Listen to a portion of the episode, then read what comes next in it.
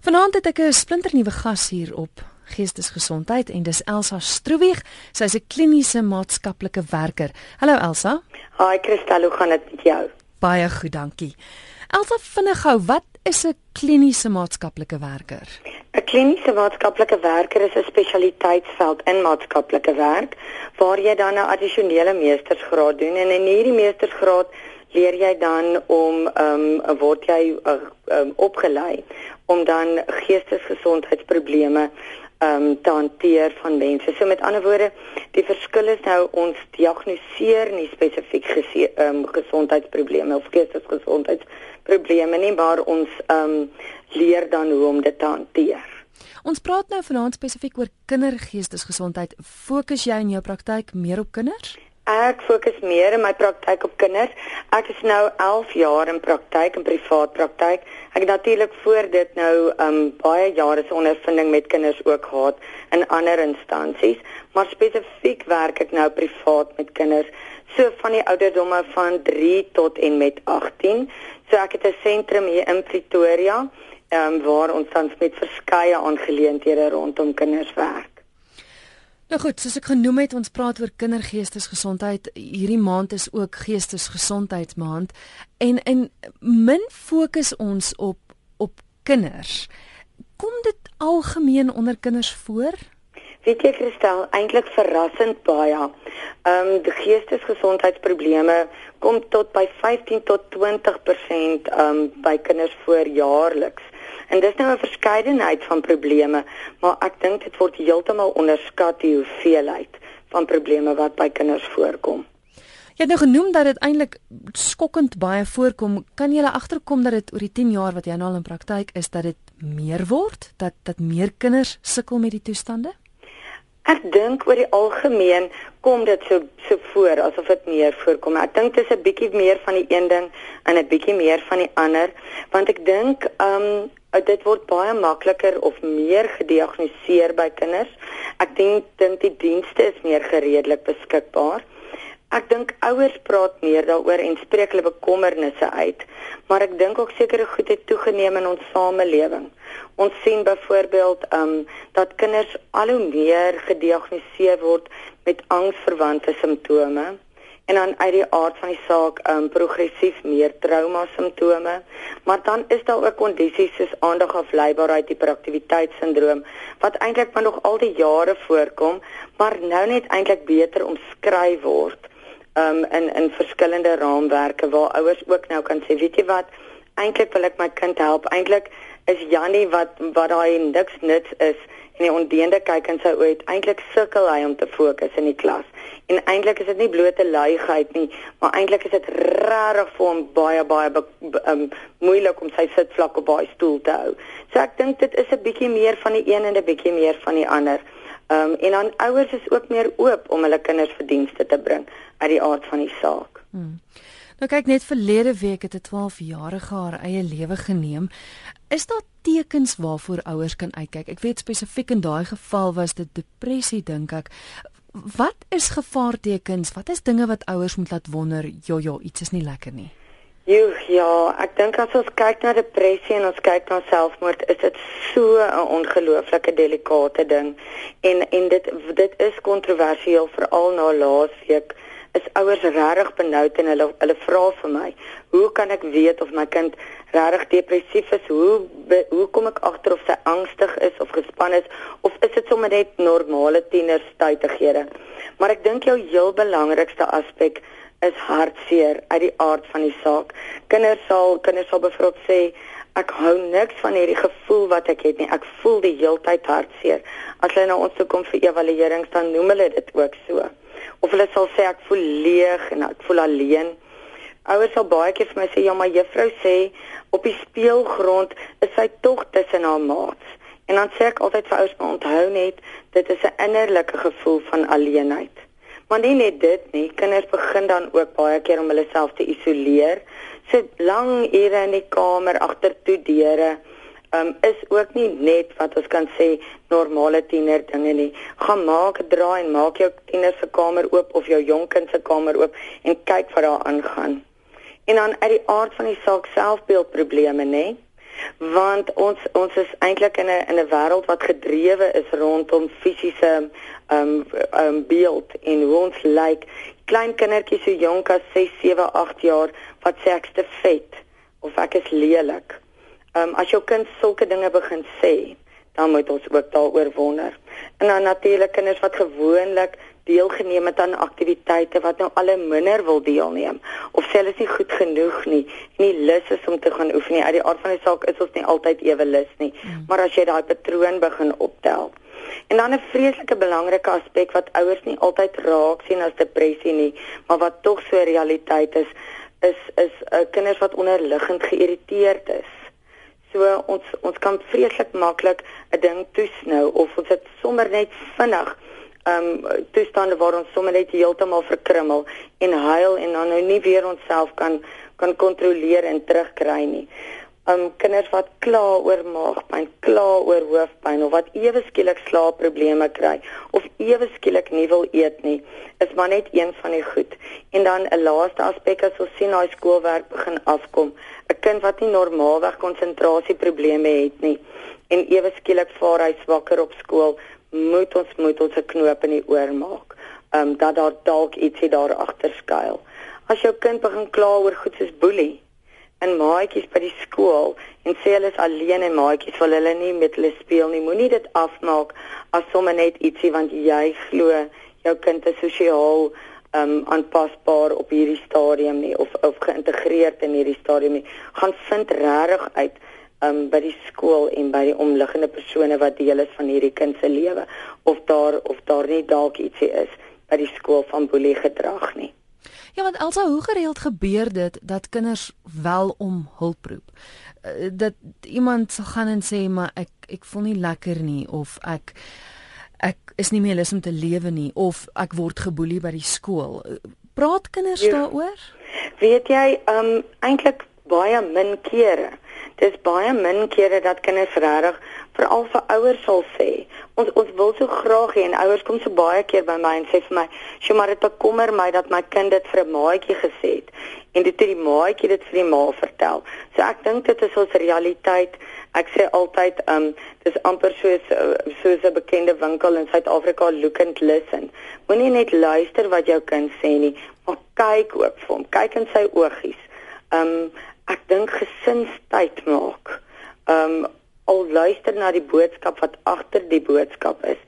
Luister as 'n kind oor goed vra soos die dood of um wonder oor um watter tipe pille kan 'n mens drink of kyk na goedjies soos soos arms wat gesny word. Dis nie te sê 'n kind wat selfmutilerende gedrag openbaar wil noodwendig selfmoord pleeg nie, maar baie keer is dit 'n teken of 'n noodroep of 'n uitroep en dan het baie kinders daai konfidant in mense wat um wat van naby hulle aan aan wie hulle naby beweeg soos 'n dansjuffrou of so aan wie hulle tog um um inligting sal bekend maak.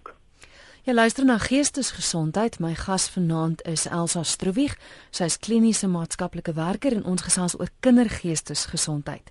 Elsa het nou genoem goed soos depressie, uh, angstoestande, kom nogals redelik algemeen by kinders voor.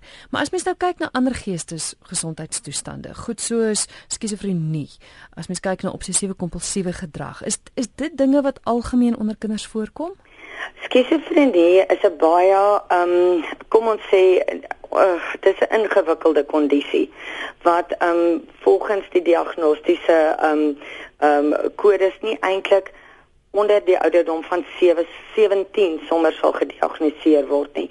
So dit is 'n baie komplekse kondisie wat met 'n verloop van tyd gediagnoseer word. Obsessief kompulsiewe gewoontes kom wel baie by kinders voor.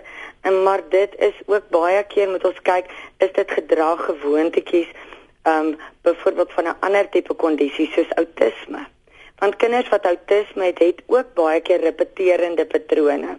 Dis selde dat ons kan sê dat daar net een kondisie by by 'n kind is. 'n Kind wat angstig is, kan byvoorbeeld gaan byvoorbeeld sukkel om te konsentreer en gaan byvoorbeeld aandag afleibaarheid um simptome openbaar maar dit is die algemene kondisies wat ons kry um, onder kinders wat ons sien in die praktyk soos outisme, depressie, angs en natuurlik trauma uit die aard van die saak en aandagafleibaarheid is maar meestal die kondisies um, wat hulle self meer presenteer.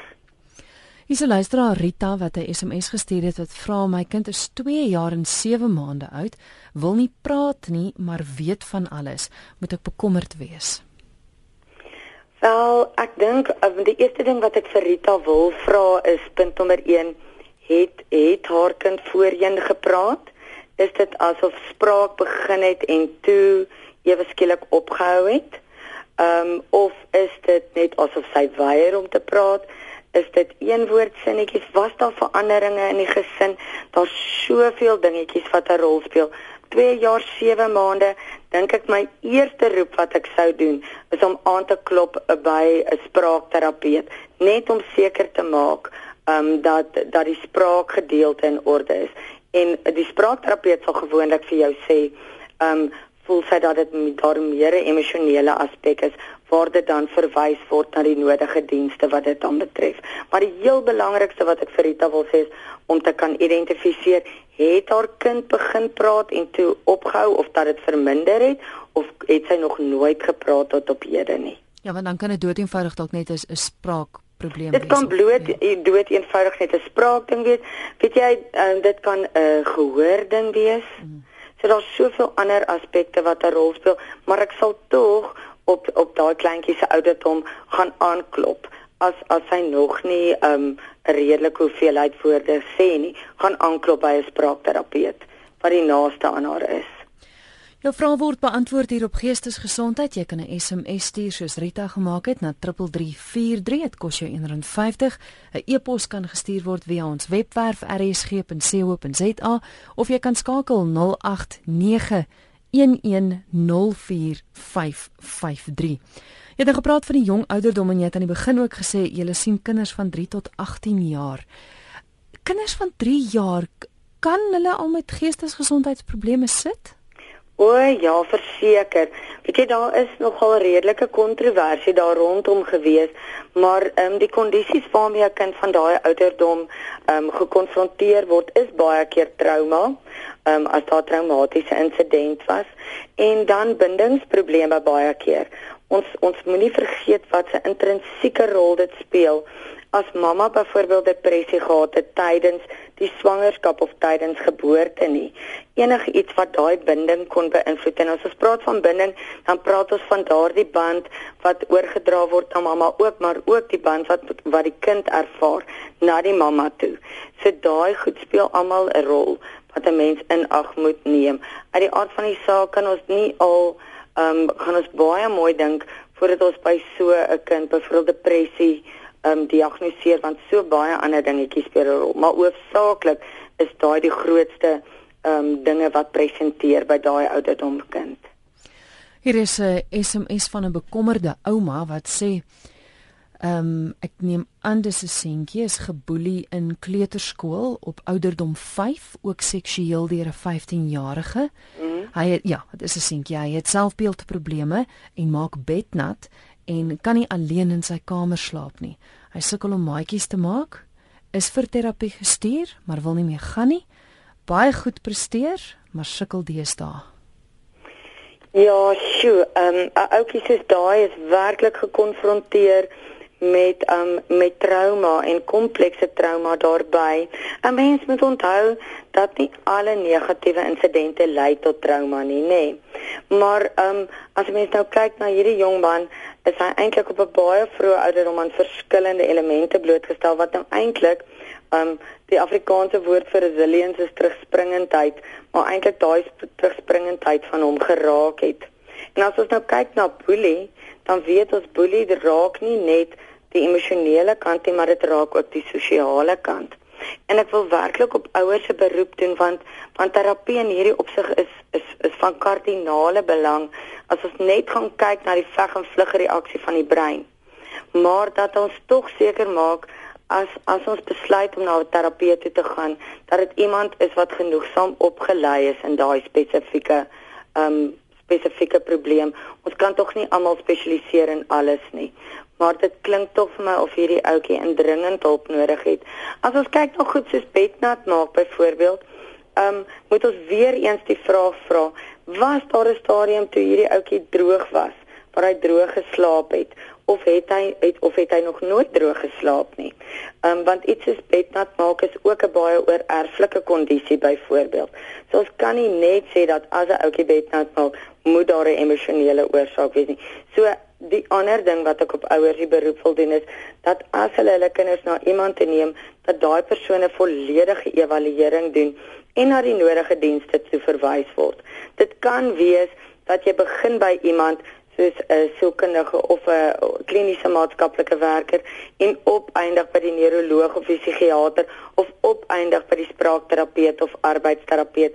Dit kan wees dat daar vele persone in die lyn is um voordat daar um daadwerklik besluit word uh, wat sou op hierdie kind nodig het. Maar dit is maar alles deel van die pad.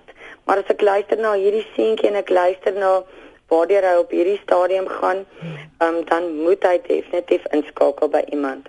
Maar die ander ding wat ons ook moet onthou van trauma is, um, wat wil jy tog doen as jy getraumatiseerd is? Jy wil vermy. Jy wil vermy om te voel soos wat jy nou voel en dit is 'n wesenlike trauma simptoom. So hy gaan heel moontlik nie meer wil gaan vir terapie nie. Um hy gaan heel moontlik dit wil vermy dat 'n mens dit ook in ag neem, maar dat 'n mens dit nie seker nie net moet stop bloot omdat hy nie wil gaan nie, maar liewer die risiko in die situasie weer evalueer. Die ouma het laat weet dat hy nou amper 8 jaar oud is, maar ek dink 'n baie belangrike ding wat jy sê is dat om dop te hou as jou kind se se gedrag verander. Yes dan moet jy begin. Seker. Kristel, ek sê altyd my maatstaf um met enige kondisie of presenterende um simptoom is dit moenie funksionering beïnvloed nie. Die oomblik as dit funksionering beïnvloed, dan weet ons dat dit 'n daadwerklike probleem is. Hmm. En as ek luister na wat sy vertel van van hierdie seentjie, beïnvloed dit verseker dan nou sy sy funksionering, nê? Nee. Ja. En dan moet ons tog twee keer daarna laat kyk. Daar's altyd die groot vraag rondom medikasie en medikasie het, het verseker sy plek. Daar's sekere kondisies wat wat ek ouers wil aanmoedig uh, soos byvoorbeeld depressie, daar daar soveel navorsing al bewys dat slegterapie in kombinasie met met medikasie hierdie mees effektiewe resultaat.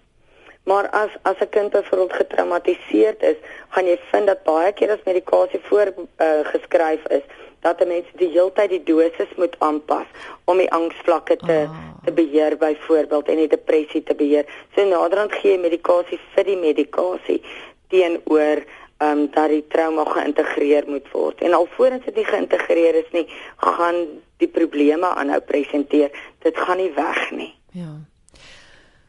Hier is 'n SMS wat sê my middelste kind is gediagnoseer met ADHD en hmm. angs. Hy kou sy klere. Hy het nog 'n negatiewe selfbeeld. Hoe kry jy hom positief?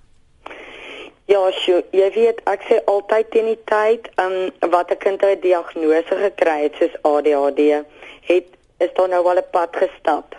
Ehm um, van kleuterskool daar af waar waar juffrouens bekommerd was en aangespreek het. So um, en al kinders wat gediagnoseer word met ADHD maak baie keer sosiale foute.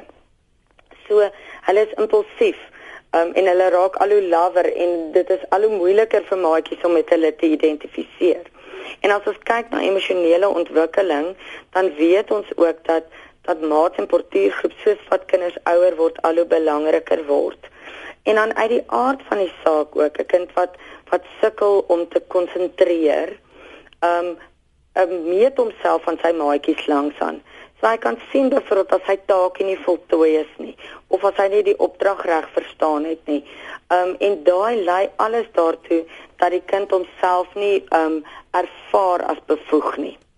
En um hoe meer 'n kind homself dan ervaar as bevoeg in daai opsig, hoe beter gaan sy selfbeeld dan verbeter, nê. Nee.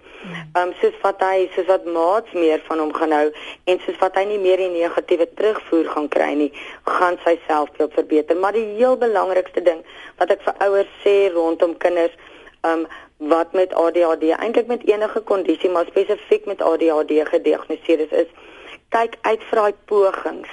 Moenie uitkyk vir die suksesse nie en prys die pogings.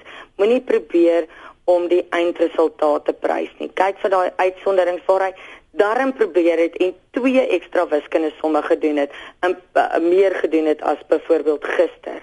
Of ehm um, waar hy darm sy prentjie hierdie keer min of meer klaar ingekleer het. Eerder as om elke keer te raas om te sê maar jou werk is alweer nie voltooi nie. En dieselfde um, geld vir die onderwysers.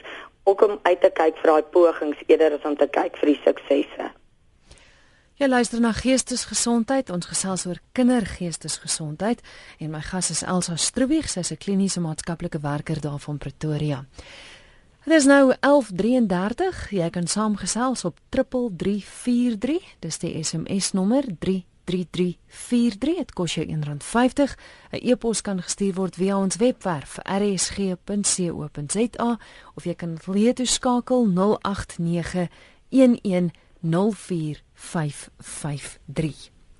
Also jy het vroeër genoem ook van angs wat redelik gereeld by kinders voorkom. Sou jy sê dat omstandighede, dit wat mens daagliks in die nuus sien, wat om ons gebeur in die land, het dit 'n invloed op kinders? O ja, verseker. Ek dink daar is soveel goed in in ons hedendaagse lewe wat kinders se angsvlakke verhoog. Um koerantberigte, kinders wat lees wat op palle staan. Ag, net die manier ons ons huise benader baie keer as ons terugkom um, van 'n restaurant al waar ouers self gespanne raak um ouers wat um gespanne raak uh, in winkelsentrums byvoorbeeld. Ek sê altyd um as ons uitklim by die winkels met ons kleintjie aan die hand dan sê ons bly hier by mamma want nou nou steel iemand jou. Hmm. en vir 'n kleintjie wat nog nie eens verstaan wat steel behoorlik beteken nie weet hy net hy moet nou bang wees vir iets So, ehm um, dit speel verseker 'n baie baie prominente rol en dan het druk ook maar net verhoog. Jy weet daar word meer van ons kinders verwag. Die eise word al hoe hoër ehm um, wat op hulle lyfies gestel word. Ehm um, aktiwiteite word meer. Ehm um, vroeër jare kon jy netbal speel, daar was nie eers hokkie op skool nie. Nou is daar 'n magdom aktiwiteite waarin kinders moet presteer. 'n uh, Skoolwerk wat van hulle verwag word. So Um ek dink ook die ander ding is um angs word ook nou makliker raak gesien. Want vroeër um het ons maklik gedink 'n kind is of net verskriklik soet of verskriklik perfeksionisties um of net baie stout. Maar nou kan ons weet dat dit 'n gedeelte in die brein is wat geaktiveer word en daai gedeelte van die brein um sê vir ons liggaam veg of vlug. En so as ons veg, dan gaan ons meer geïrriteerd word en um, ons gaan ewig reageer. Maar um kinders wat vlug byvoorbeeld, hulle probeer super soet wees um om te kompenseer vir die ander ouetjies in die klas wat dalk nie juffrou se reëls volg nie. Of mamas sal kom en sê, weet jy, sy's so perfeksionisties, die druk wat sy op haarself plaas is so hoog. En dan sê ek altyd vir ouers, maar ons moet bedaag wees dat ons die verskil ken tussen die strewe na sukses en perfeksionisme. Want die strewe na sukses beteken ons wil daai beste wees wat ons kan wees teenoor die perfeksioniste om net uit die moeilikheid te bly en om asseblief net 'n keer dat juffrou nie met ons raas nie. So angs is verseker 'n baie baie wesenlike realiteit vandag, maar ek wil ook vir ouers sê dat dit 'n kondisie is wat so so maklik behandelbaar is. Ongelukkig bring angs angs mee. So dit is 'n hele hele sneeubal effek eintlik op die ou end van die dag. Um maar dit is 'n vreeslike behandelbare kondisie wat sommer chop chop vir die kind beter gemaak kan word. Dis goeie nuus. Kom ons kyk eens 'n oproep RSG. Goeienaand. Goeienaand. Ek wil gou 'n bietjie uitvind. My kleinkind is nou 9 jaar oud. Maar hy sê byvoorbeeld by 'n vertrek aankom, hy sê nie sê hallo ouma of as jy vir hom iets gee sê dankie of dit nie. En ek sukkel ons werk verskriklik aan dit want gaan ons na mense toe ook en die ander mense praat van dit. Hy's net so baie baie kennig is. Maar sy ma was ook verskriklik baie baie skaam geweest op skool geweest. Hoe oud is hy nou? Hy's nou 9 jaar oud. Ja, sien. Um ek dink dis die ander ding wat ons altyd ook in die, in in gedagte moet hou en jy sê so 'n belangrike ding rondom sy ma wat ook in kennig was. Sy was ja, sy was verskriklik geweest want ek het al met haar oor gepraat want ek weet nie of ek 'n sielkundige by die skool moet gaan sien of wat ek kan doen nie.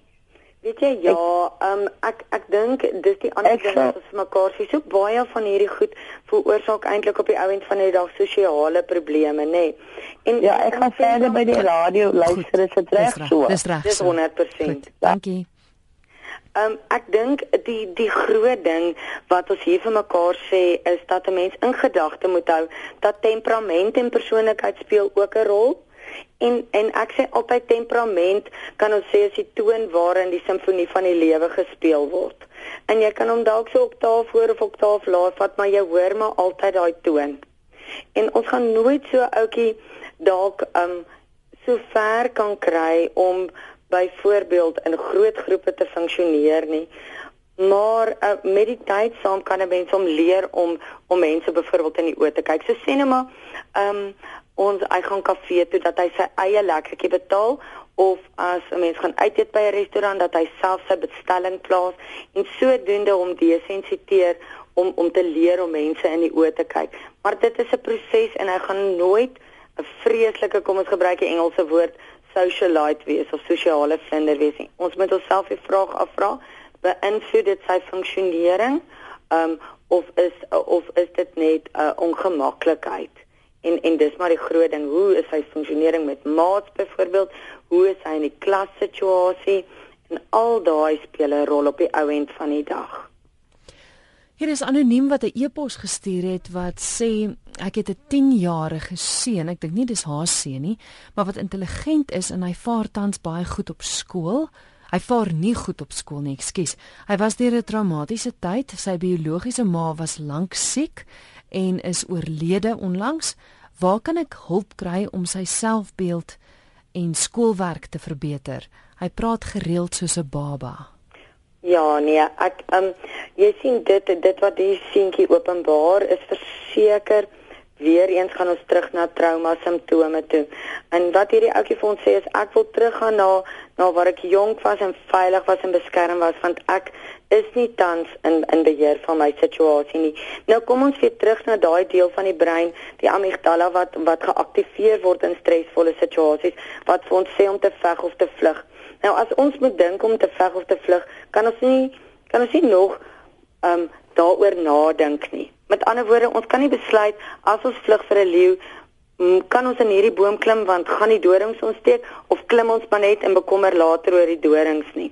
So die lank en die kort daarvan is en as 'n mens deur 'n traumatiese gebeurtenis gaan en daai amygdala in die brein is aangeskakel, skakel hy nie sommer self af nie. Wat beteken hierdie ouetjie gaan moeilik konsentreer in die skool. Ek verduidelik altyd vir die kinders, jou dinkbrein maak toe. Met ander woorde, die die die die, die kans om te kan fokus op jou skoolwerk is dan baie skraal. Ehm um, teenoor wanneer jy gereguleerd is en wanneer daai deeltjie van die brein afgeskakel is. So selfbeeld selfbeeld is een van hierdie ouetjies ons kan sê van sy sytak simptome van die oorspronklike trauma waardeur hy is. Hy moet eers deur die verlies werk en die trauma rondom sy ma se se siekte wat hy beleef het En um ek ken nie die omstandighede agter dit nie, maar ons moet verstaan dat vir 'n kind om selfs byvoorbeeld sy sy enkel te soek is traumaties. 'n Traumatiese gebeurtenis hoef nie 'n reusagtige gebeurtenis te wees nie. Nou het ons 'n kind wat wat 'n ongelooflike intense verlies um, beleef het. As ons kyk na verlies byvoorbeeld, kry mense 'n verlies is tog 'n normale deel van die lewe, nê? Nee. Kinders het verlies aan aan ouers, kinders het verlies aan troeteldiere, hulle het verlies wanneer daar 'n egskeiding in die gesin is, maar daar is 'n groot verskil tussen verlies en traumatiese verlies. Verlies is 'n normale proses en as 'n kind gehelp word, dan kan hy kan hy gladweg deur die proses gaan. Maar as 'n traumatiese verlies is, dan beteken dit hierdie kind het eintlik um, 'n um, insident beleef wat sy hele stelsel in skok gesit het. So ons moet hom eers help om daai insidente integreer en deur te werk. So alvorens dit nie gebeur het nie, gaan hierdie ouetjie moeilik vorentoe beweeg. En dan die ander ding wat ons moet onthou net van verlies is elke lewensfase in 'n kind se lewe bring 'n nuwe aspek van verlies na vore.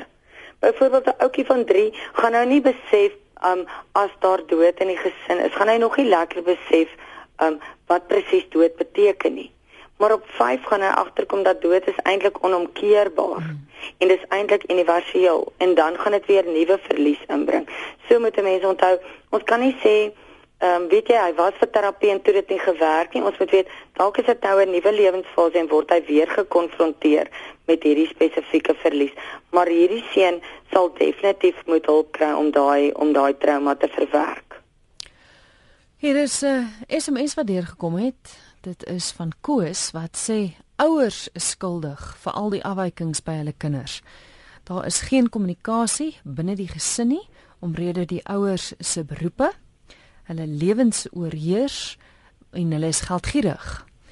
Ehm um, dit is Koos se mening.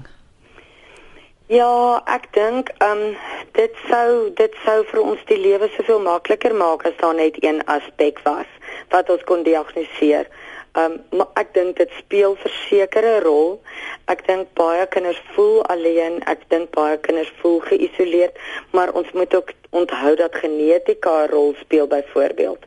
Ehm um, uh kondisies soos skizofrenie word tot um hulle uh, die, die literatuur uh, bepaal tot 83% van skizofrenie is oor erflik. So dis nog 'n redelike hoë persentasie, nê. Nee. En dan speel omgewing 'n rol. Um dit maak nie saak hoe geborge 'n huishouding is nie. As daar 'n verlies in die gesin is, byvoorbeeld 'n ouer wat wegval of daar was 'n traumatiese gebeurtenis soos 'n gewapende roof, kan dit ongelukkig nie um instaan dit gaan nie kompenseer vir die feit dat die liggaamskop beleef het nie. So daar's soveel aspekte en ek stem saam met Koos dat dit baie keer wel 'n rol speel, maar ons kan nie sê dis die enigste rol nie. Ekskuus anoniem wat die wat die e-pos gestuur yes. het van die ma. Um dit is aan die aard van die saak nie haar biologiese kind nie, maar sy het afkortings gebruik wat ek nie verstaan het nie. Sy sê dit is 'n 10-jarige fetale alkoholsindroom seun. Goed. Ja, so dit maak dit um heel wat dit sit nou heeltemal 'n ander draad op die ding in die opsig van fetale alkoholsindroom kinders sukkel oor die algemeen met emosionaliteit en hulle sukkel oor die algemeen om sekere aspekte te verstaan. Maar ek dink um as ons kyk weer eens ons gaan terug na terapie toe, maak dit nie 'n verskil in terme van trauma op op wat se stres die die stelsel geplaas is nie, nê. Nee.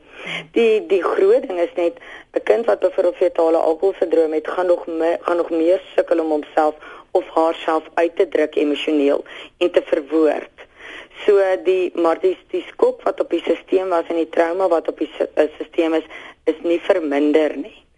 So weer eens wil ek ouers aanmoedig om te gaan aanklop by by persone wat ehm um, wat kundig is op die gebied soos byvoorbeeld trauma ehm um, as hulle kind as hulle byvoorbeeld 'n kind neem.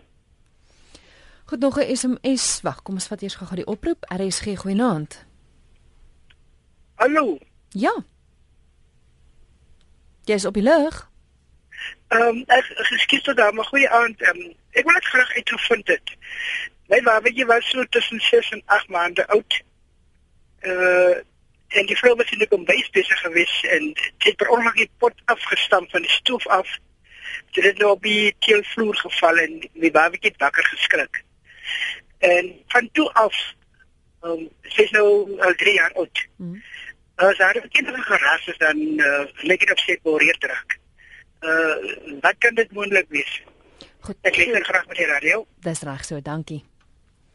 Ehm um, vreeslik dankie vir daai. Ek dink dit is 'n baie baie insiggewende ehm um, vraag wat gestel is van dit is nou spesifiek dit wat ehm um, wat baie keer misverstaan word rondom trauma. Want ehm um, 'n mens wil glo dat eh, dat 'n persoon net getraumatiseer word as hy kan praat want dan kan hy verstaan, nê. Nee. Maar nou moet ons onthou dat daai deel van die brein is al reeds um teenwoordig by geboorte juis om ons as mens te kan beskerm. So dit wat jy daar beskryf is is 'n tipiese trauma simptoom. Daai kleintjie um se se se stelsel is onmiddellik geaktiveer deur daai harde geluid. Sy kon dit nie noodwendig plaas en sy kan nie daarvoor 'n naam gee nie en sy gaan dit nou nog 10 teen 1 nie 'n naam kan gee nie, maar sy's op daai moment geskrik in 'n in 'n toestand van vries in want onthou nou, as ons nie kan veg of vlug nie, dan vries ons, nê? Nee. En as ons gevries het, dan beteken dit ehm um, dat ons eintlik nie daai veg en vlug reaksie kon voltooi nie.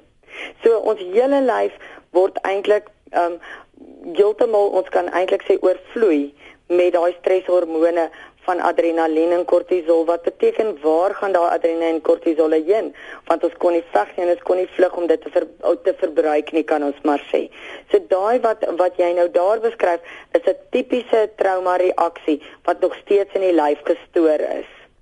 En daar moet ook gehelp word. Absoluut, absoluut. En en dit is nou wat die wat die mees resente navorsing vir ons sê is is as ons nou spesifiek kyk na na trauma, daai oor en oor gepraatery en darmsryg en praatery en eintlik oor traumatisering is nie meer nodig om so insidente te verwerk nie. Ehm um, daar's baie ander maniere om dit te doen sonder om om eintlik kan 'n mens sê ou wonde oop te krap. Hmm. Ek gaan afsluit met 'n laaste SMS van anoniem. Wat sê my kind was in graad 8 in 'n koshuis vir 'n kwartaal en wou nie daarna teruggaan nie. Ek weet nie wat daar verkeerd gegaan het nie.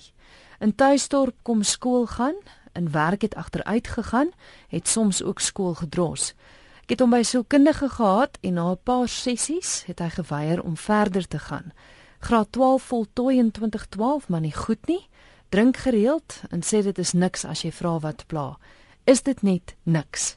Hoe kan ek help? Vra anoniem. Sjoe, ja, dit klink vir my um of daar in onthou nou wat het ons nou gesê rondom trauma. Ons het gesê dit kan enige insident wees. Wat beteken dit kan dit kan iets wees wat ons nou identifiseer um as as as um baie erg in ons menslike terme of dit kan net bloot gewees het uh dat hy um byvoorbeeld nie in die in die koshuisstelsel kon aanpas nie. Maar dit klink amper vir my of um hierdie ouetjie baie baie hard probeer um om om sekere om sekere goed van hom af weg te kry en om sekere goed nie te onthou nie. Want 'n groot deel van trauma simptome is om te vermy. Um want onthou nou, at die oomblik as ons gaan na dit wat ons getraumatiseer het, beteken dit ons gaan weer daai angservaring ervaar, nê? Nee. Maar ongelukkig is trauma um soos brood met muf op. Daai muf gaan nêrens heen nie. So die gedagtes en die ehm um, die die ehm um, die die die ehm um, insidense se gebeure tree kort kort terug sommer op tye wat ons dit nie dis eintlik soos 'n soos 'n leerkabinet wat nie wat nie goed georganiseer is nie jy dink jy trek een leer en dan trek jy eintlik die trauma leer So, ehm um, maar ongelukkig is dit een van daai dinge in en as ons nou na hom kyk, word hy nou geag as 'n volwassene. Ehm um, waar jy 'n perd tot by die water kan bring en hom nie maak drink nie.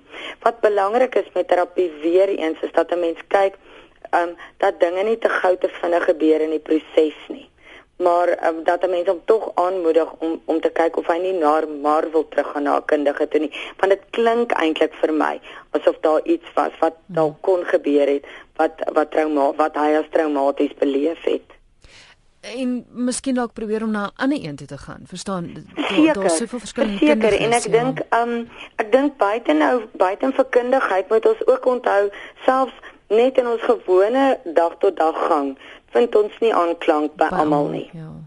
En die ander ding van trauma moet ons hoor onthou is al is dit nie daai persoon se intensie nie, kan kan hy sekere goeters laat opkom. Daar kan as ons 'n Engelse woord gebruik, hy kan dit trigger byvoorbeeld. Dit kan die persoon se hare wees of sy kleur oë, ehm um, of die lig wat in die kantoor skyn. Dit kan enigiets wees wat dit getrigger het.